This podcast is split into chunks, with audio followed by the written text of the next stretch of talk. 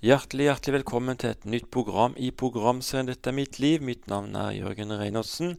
Jeg leder organisasjonen 9010 som produserer disse programmene. Og i dag har jeg tatt turen til Q42, hvor Kristiansand, Philadelphia Kristiansand holder til. Og jeg sitter her med Hilbert Norheim, som er bønneleder i menigheten.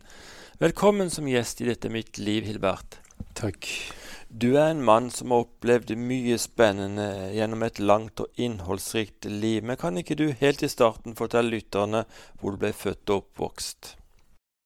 Eh, det skjedde jo ganske langt nord. Harstadkanten.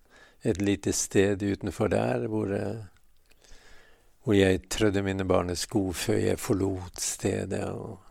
Som 15-åring 15 15,5 år var det vel og begynte å reise litt rundt og gjøre andre ting. Ja, du reiste til sjøs? Ja, jeg har vært en tur over der, som de sier. og eh, før jeg kom tilbake, og det ble marinen og den utdannelsen der, og gikk videre på det planet der. Men hvordan var det som en 15-åring å reise til sjøs? Jeg vet ikke om det rette ordet er hasard, men uh, det var jo sånn den tiden. Man lærte og levde oppi alt som var gjort, eller ble gjort på en liten gård, og, og var med om alle ting og kunne jobbe og glede seg over det. Så stedet jeg vokste opp på, var jo noe av det beste du kunne vokse opp på, med himmel og jord og lys og mørke og stille og storm og alt mulig. og mennesker og dyr og en, en, egen verden, på en måte. Så du har en trygg oppvekst der ute? Ja. Veldig. Veldig trygg. Var det kristent hjem, da? Den tid så måtte jeg vel kanskje si det.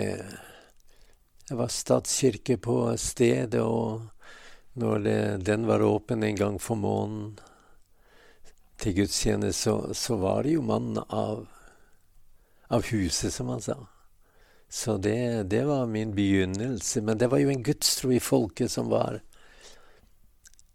Jeg holdt på å si permanent i, i eh, moral og i alt sammen. Så det var, det var en god opplevelse og, og trygghet i dette. Lyktes du på skolen? Lyktes? Ja. Både og. Jeg hadde litt dy dysleksi. Litt av det, og fikk smake følgene av det. For den tiden var det jo per definisjon litt eh, i bakkant.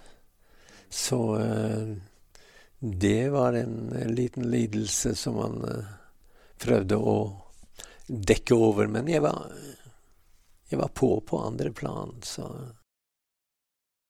det har gått bra. Hvor lenge var du til sjøs? En par år, vel. Eh,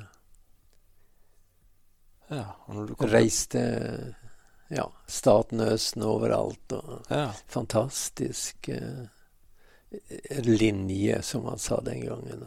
Noe av det beste man kunne komme på. Og når du kom tilbake til nord, så vil du utdanne deg? Ja, jeg kjente jo for å i marinen og utdanne meg mer som dykker og froskemann. Og I den tiden var det jo ikke sertifikat på dykking, men jeg var vel den første skolen som, som tok sertifikat på dette. Og, og ble da sendt rundt i marinen på forskjellige oppdrag. og ja.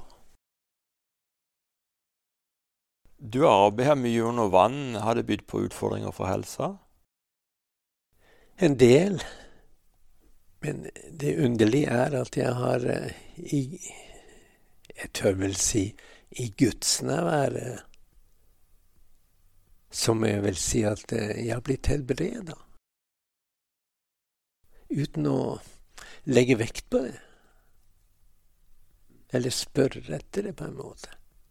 Men det var skader etter 30 år. På denne måten flakking overalt. og datidens opplegg. Du havnet etter hvert på det blide Sørland. Hvordan skjedde det?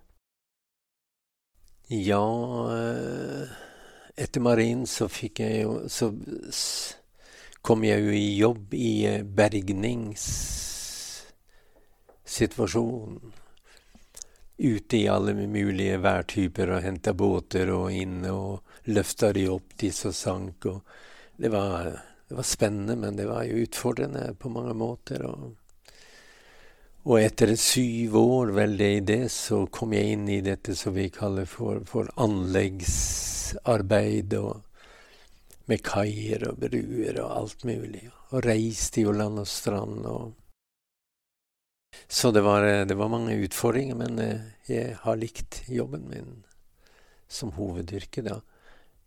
Så Og det 30 år, da vet du at noe skjer også. Så det har jo vært forskjellige opplevelser denne veien òg, hvor, hvor, man kjenner at Gud er med. Eh, når traff du kona di? Hun traff jeg i Ålesund. Vi var i Frelsesarmeen i mange år, til å begynne med.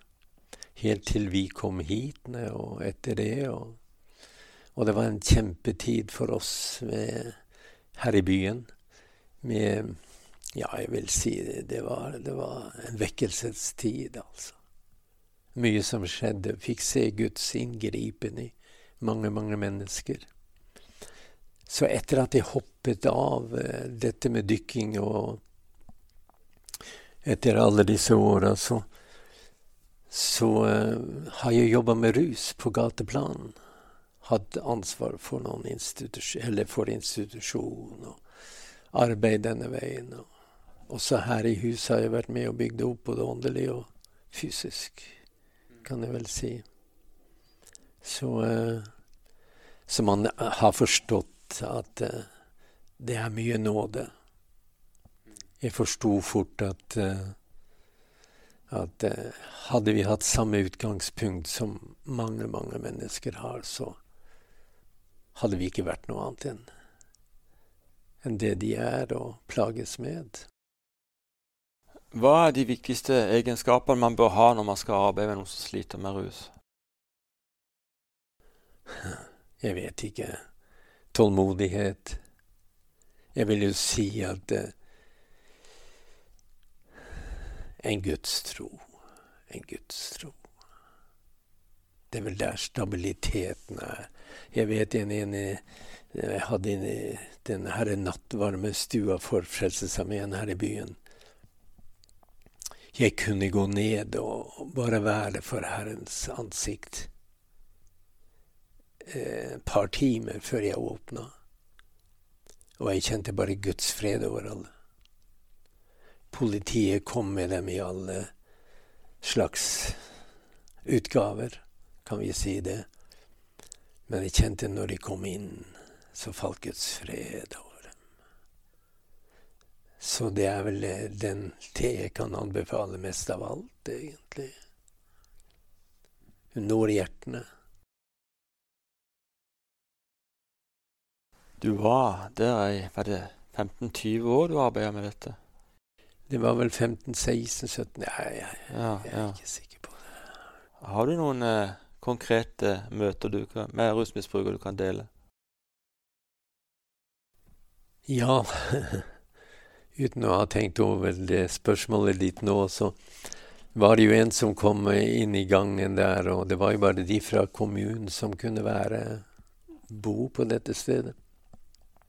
Og han ropte til meg Hilbert, har du peiling på, på, på, på Ja, snakke med mennesker og, og denne delen her.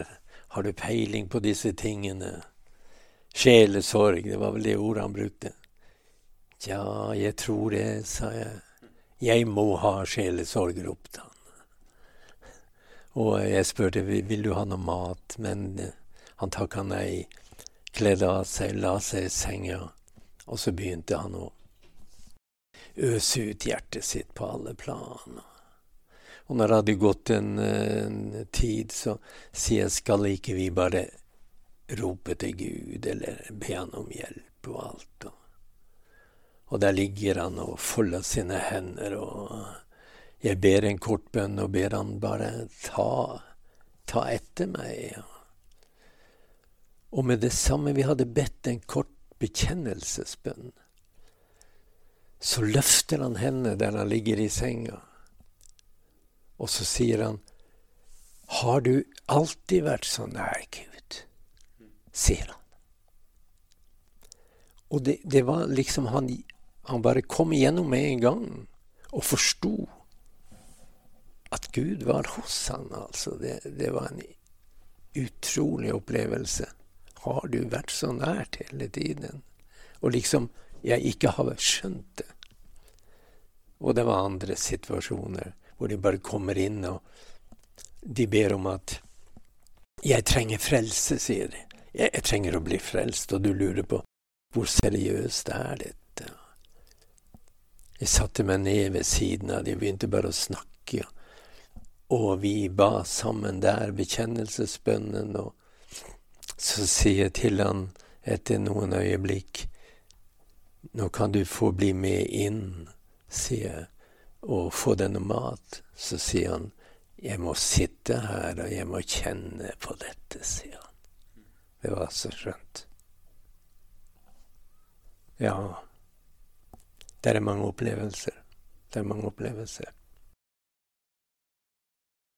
Jeg kjenner en i dag, så Så griper det hjertet mitt. Hvor nær Gud er. Hvor nær Gud er. Ja. Og det har vel noe med, med livet mitt å gjøre. jeg vet han er nær, men å formidle det noen ganger, det er det som er vanskeligheten. For snart 35 år siden så begynte dere som familie å gå her i Philadelphia i Kristiansand. Hvorfor akkurat denne menigheten? Vi hadde jo vært her i Amen og vært på en institusjon en par år og, og kom tilbake hit. Og vi blei spørrende til hva Vi kjente bare det var noe annet som lå foran oss. Gikk litt i sjalam og var med der, og bare lite grann over litt tid. Men vi hadde fire jenter, døtrene våre, som eh, tre, tre av de gikk jo i Philadelphia. Så vi begynte å gå der litt. og Det var jo mer på etter våre opplevelser med Gud og alt, så var det vel kanskje der det var nærmest hjertemessig, kan vi si det sånn? Philadelphia Kristiansand hadde jo beslutta å legge ned bønnemøtene pga. lavere og lavere oppslutning på disse samlingene, men du utfordra dem til å gjenopplive disse møtene. Ja, det var noen ungdommer som kom til meg. Jeg hadde jo hatt dette fra jeg var frelst. Eh, på 70-tallet Vi kom jo med denne vekkelsen som kaltes den ja, hva vi kaller Jesusvekkelsen, faktisk kom med der, og det skjedde så utrolig mye. Så det var, det var, egentlig der det begynte. Og når ungdommen spurte meg i Philadelphia Jeg har jo hatt dette på hjertet hele tiden. Og jeg kan si helt fra begynnelsen av Jeg møtte Herren personlig før jeg møtte Han i ordet. Det høres underlig ut. Men når jeg reiste i, i dykking og, og, og land, land og strand, så had, bodde jeg på disse små rommene to og en halv ganger to meter og søkte Herren etter at jeg ble møtt. Og jeg opparbeidet meg en tillit hvor jeg møtte Herren kveld etter kveld personlig. Eh, til både ånd, sjel og legeme. Så det har vært over meg. Og han talte til meg, kan jeg bare bruke litt, noen ord på det. Da talte han til meg, og det var en profetisk helhet over det han talte. Han viste meg alle I alle evangeliene står det om et gjør huset til et bønnens hus. Det står i alle evangeliene. Og dette ble lagt over meg profetisk. Jeg har ikke tenkt andre løsninger. Gjør du det til et bønneshus, gjør du det til et hus som Gud kan gjøre hva som helst i. Og det var der begynnelsen var. Og dette hadde jeg vært i når jeg kom inn her, i mange år allerede. Så da tok vi tak og begynte, og det var smått å begynne med. Det var smått å begynne med. I en kjeller. Du vet, bønnemøtene før, de var jo på det, den dårligste dagen og det nederste rommet. og og minst vennlige rommet. Kan vi si det sånn? Men vi holdt på. Vi holdt på. Og det kom flere og flere. Men vi fikk en setning. Vi fikk en setning på et av disse her bønnemøtene i kjelleren der, hvor Herren sier til oss dere er ikke først og fremst kommet for å få bønnesvar, men for å møte meg, sier han. og det snudde noe i vårt sinn. Det ble nye tanker. Og etter det så kom et gudsnærvær over oss som møtte opp på bønnemøtene, som ingen av oss hadde, vært, hadde erfart før. Og det ble en nødvendighet for mennesker å komme, og det vokste utrolig fort. I den gamle Philadelphia så vi måtte flytte opp i kafeen. Og, og vi ble en 70-80 mennesker der oppe, i alle fall. Flytta inn i storsalen overtok onsdagen, så var det møtedag til dette. Og jeg husker vi var så redd for å miste gudsnærværet. Så vi til og med Vi hadde kaffe etterpå vanligvis, så vi til og med trilla en sånn en liten båre inn med kaffe og kake på, og sto der inne i salen. Vi, vi turte ikke å gå ut av salen fordi vi var så redd for å miste Guds gudsnæværet. Men der var det det begynte. Og så har vi sett siden, som jeg mener er en sånn en sånn nøkkel. Vi har sett siden, og det vi prøver å ha fokus på personen mer enn på noe annet. Og det har forløst et gudsnærvær over oss som menighet, men spesielt over ungdommen. Spesielt over ungdommen. Så vi, vi, vi har funnet noen nøkler her som vi overhodet ikke vil slippe. Det er en nåde over det fokuset. Det ligger foran alt. Det bør ligge foran alt. Du ser Jeg vet nesten ikke om jeg tør å si det, men ta sjansen på det. Alt angriper relasjonen. Og vår hovedoppgave og første kall, som Jesus sier i, i første kor 1.9 Herren er trofast, Han som har kalt oss til samfunn med sin sønn. Så det er første kallet vi har det første kallet Herren nevner i sitt ord at vi har. Og det ypperste. Så han har overgitt oss til Han som han vet er selve livet. Så her her ligger nøkkelen. Her er det områder. Kjære lytter, du hører på programsend Dette er mitt liv i dag. Q42, som det heter her i Kristiansand. Og det er Philadelphia sitt storsenter. Jeg sitter med bønnelederen Hilbert Norheim. Og Hilbert, dere har opplevd store ungdomsvekkelser her i menigheten? Ja, jeg vet ikke om ordet 'stor' er rett definisjon, men um, for noen år siden Ikke mange, men så kom det bare noe fra himmelen over oss. Noe vi ikke Det var noe av Gud som bare spredte seg. Ungdommen fikk touch av det, og de visste nesten ikke hva som hadde skjedd. Jeg tok tak i noen av dem, og jeg bare oppmuntret. De no, de hadde en tone i sine instrumenter som var Det var mer enn det normale. Det var mer enn det menneskelige. Og det ble en, en, en kvalitet over det som ikke kan forklares. Det er bare himmelen som, som står bak. For vi hadde ikke mulighet til å be oss frem til dette, eller få det på annen måte, at vi skjønte hva vi måtte be om. Ingen av disse delene var vi i nærheten av. Men det bare kom plutselig over oss, som har gjort så mye med alt som er blitt laga og produsert og sendt. Og. Så det, det, har vært eh, og er over oss per i dag. Så vi ønsker bare å gå videre. Vi hadde en samling her med på sist lørdag. Søndagskveld var det. Søndagskveld. Og jeg hadde lovsangskonsert. Og, og på slutten eh, sa jeg noen ord til dem, for vi har gått og kjent noen på Vi må få salva de på nytt, som vi gjorde for det, noen år siden salva de. Og da salver vi alle musikerne, alle sangene.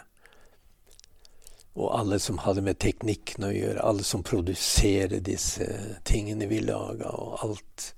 Alle som har med dette å gjøre. Filming og alt. Og det var herlig å få gjort, for jeg kjente det var, det var, et, det var et punkt der. Det var en dato der, kjente jeg i hjertet mitt som var nødvendig å følge opp når det nå var åpnet overalt. Så vi bare salva det i og sa over hver enkelt en ny tid, et nytt nivå. For det som vi har kjent, er alt kan bli sterkere og, ja, og mer himmelvendt, på en måte. Du har sagt til meg at du har sett under på under. Kan du ta fram noen eksempler? Ja, jeg vet ikke om jeg har uttrykt meg sånn, men eh, i familien så har vi sett flere under fra gjennom uh, Som vi vet i dag, den ene kan bli plaga, den andre kan bli plaga av ungdommer, og at man ikke holder mål, og alt det ene og det andre. Og, og vi har sett flere av våre barnebarn fra ei som som har hatt ME i ni-ti år og som bare fikk et Guds ord. Tok tak og gikk til eh, ledelsen i bibelskolen her og, og begynte på bibelskolen. Og vi har sett hvordan det har forvandla livet på en tre år. Og ikke bare forvandla det, men Herren har kompensert. Han har kompensert tapt tid. Så eh, og noen av disse andre barnebarna også våre, som på forskjellige områder har blitt innestengt pga. det ene og det andre. Det har med kroppen å gjøre, og, og, det har med mat og drikke å gjøre. Alt blir forskjøvet. så vi har bare sett hvordan Gud kan legge ned en tanke at dette vil jeg ut av dette skal bli en forvandling og en forandring. Og vi tok for det en stund siden hverandre i hendene ved frokostbordet, Britt og jeg, og bare sa til hverandre for tid tilbake Innen ett og et halvt år så skal dette være omme. Og vi har holdt fast ved det. Vi kjente dette vi bare talte inn i den åndelige verden. Og så her skal det bli en forandring. Vi har bare sett hvordan ordene skapte det det sa. Og alt det andre man har opplevd med ungdommen, og det vi ser på skolen her, på, på bibelskolen. Alle, alle, som kommer ut. Ja. Fantastisk. De har de dårligste utgangspunktene som man kan tenke seg til. Men vi bare ser hva som skjer med dem.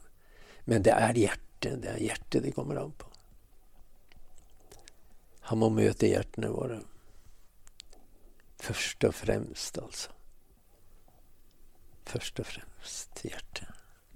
Det er der alt ligger. Og det er jo noe av det jeg har fortalt om fra, fra rus, og det er hjertet vårt han er ute etter. Ikke så mange andre ting. Får han hjertet vårt, så får han oss helt. Og det er jo enkle ting. Noen ganger lager vi det veldig vanskelig, både for oss sjøl og Det finnes jo ingen sånn, hva jeg sa til deg i sted, at det skippertak. Det finnes ingen skippertak. Noen ganger jeg har fem minutter, så kaster jeg meg ned i sofaen eller i en stol og så sier 'Her er jeg, Jesus'. Noen ganger er det ikke vanskeligere. Her er jeg. Og så er han der. Men jeg må finne pauser i den turbulens som vi lever i. Må finne stillhet.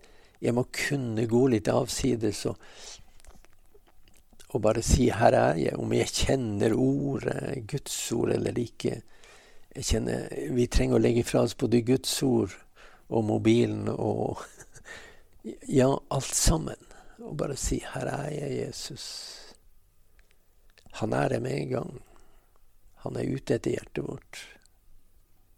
Så uh, for meg har det forenkla mer jeg kjenner han personlig, mer enklere forhold har jeg funnet å leve i. For ca. fem år siden så ble gigantkomplekset Q42, som vi nå befinner oss i, innvia. Og her er det en storsal som kan romme opptil 2000 mennesker, restaurant og kaffebar, flere saler, mediesenter, bibelskole og leiligheter for eldre og mye annet. Hadde dette vært mulig, Hilbert Norheim, uten bønn? Uten bønn? Nei. Nei, det var jo det. Du kan si bønn. Ja, det er jo en sannhet i det. Men som jeg nevnte i sted, når vi, når vi flyttet fra kjelleren og det ble for lite, og oppe i kafeen når Herren begynte å møte oss, så var det hjertene våre han møtte. Så det var forandringen, forvandlingen i hjertet. Og nærværet i hjertet som, som var eh, det hele. Og da ble det eh, en profetisk forløsning over det hele.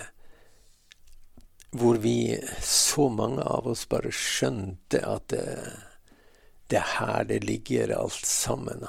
Han, han begynte å bruke mennesker som vi ikke hadde hørt ikke direkte med at 'så sier Herren', men det kom så mange innspill om hva de så, hva de kjente, og hva de skjønte. At det, det var himmelen som åpnet seg over oss. Men det, det var denne nye kjærlighetsrelasjonen til Jesus som var årsaken til alt. Vi begynte å se som han så, vi begynte å høre det han sa, og vi begynte å uttrykke det han sa.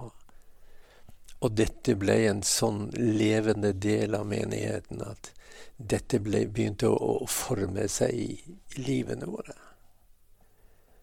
Og på mange måter eh, hva vi kaller for materialisere seg, på en måte. Så derfor kom jo alle disse tankene med et nytt bygg. Vi visste vi måtte ha et nybygg. Hva skulle det bli, og hvor stort skulle vi være, og hvor stort var det? Hvor skulle vi få et såpass stort tomt for å bygge noe sånt?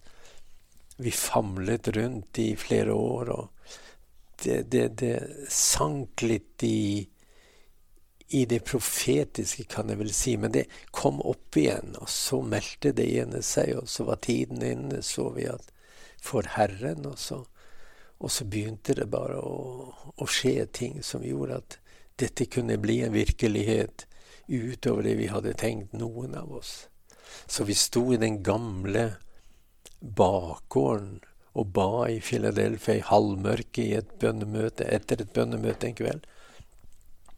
Og trodde at vi skulle bare utvide lokalet og gjorde små ting. Men så begynte Herren å vise oss sine tanker på noe større. men det har jo vært eh, Jeg vet ikke om eh, Ordet 'fantastisk' er det rette ordet, men det har jo vært himmelsk å være med på, på, på, på gjennomførelsen av dette. Og se at det står der. Og, at vi eh, per i dag også, som mange, mange vet, som er et, et faktum, at vi økonomisk sliter en hel del. Men som vi snakket om, at eh, prøvelsene står alltid i forhold til oppdragets størrelse.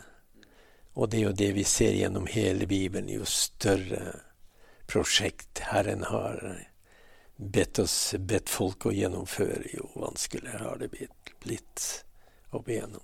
Til og med med innvandringer i løfteslandet med melk og honning, så kom det problemer. Så det ligger der. Men det har vært en fantastisk reise.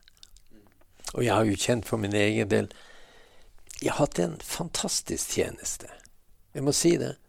Jeg har gjennom, gått igjennom den på en måte, og jeg har sagt til Herren jeg vil ha gått igjen.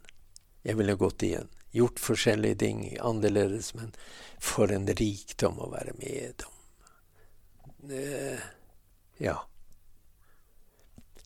Du kan si tjenesten og, og, på en måte stå der få en tjeneste hvor man står imellom folket og den levende Gud i, i samtale i, og har en tjeneste i det perspektivet der, det har vært fantastisk, syns jeg. Og så er jeg ikke mer tilbakeholden enn jeg ser at jeg, jeg, jeg ser det har hatt innflytelse. Kan jeg si det sånn? Jeg kan vel si det sånn. Ja.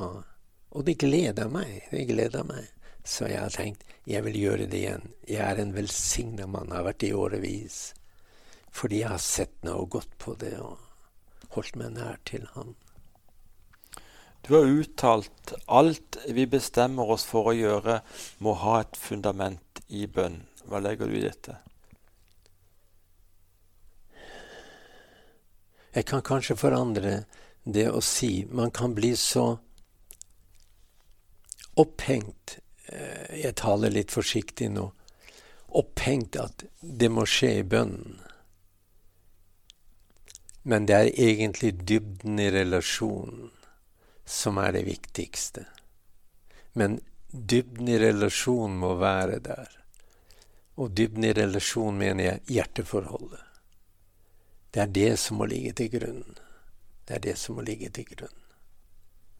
Så midt oppi det hele så ber vi, og så faster vi litt. og, og profeterer en del, altså, men det er relasjonsutslag som, som gjør det hele.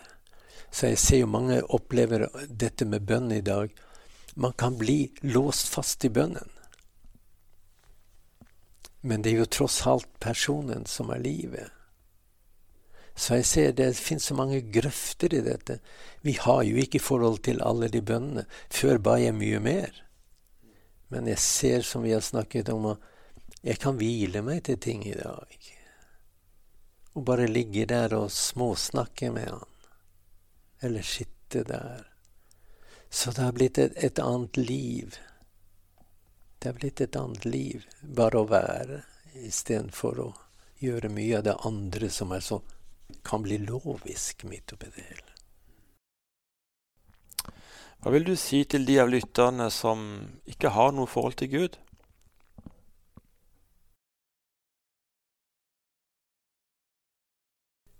Jeg vil jo si at når jeg har den troen at jeg kunne leve som jeg gjør, så har jeg tro for alle sammen. Men det er jo enklere. Det er enklere å bli frelst enn man tror på forhånd. For man føler Gud er så langt borte, og så, så er det bare et åpent hjerte som spør etter han, egentlig. Vi har jo sagt i alle år at uh, gir du den vonde lillefingeren, så tar han alt sammen. Men jeg vil si det samme om Gud. Utfordre deg til å bare spørre Er du der? Er du der for meg? Finnes du, som mange spør om. Jeg hørte en som banka Kolben. Han satt der i rus og utfordringer. Han slo kolben av geværet i, i, gulvet og utfordra Herren og sa hvis ikke det ringer noen innen fem minutter, så avslutter jeg her og nå. Den mannen fikk en hilsen på fem minutter.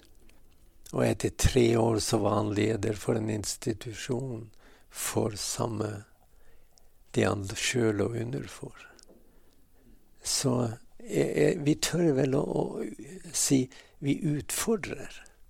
Du som spør etter han. Prøv han. Søk meg, og du skal finne meg. Bare spør etter han, og han vil åpenbare seg. Han lengter etter å åpenbare seg for oss. Så det er bare det jeg vil si. Jeg vil gå så langt som eh, det er nesten umulig å bomme på, på målet, på en måte.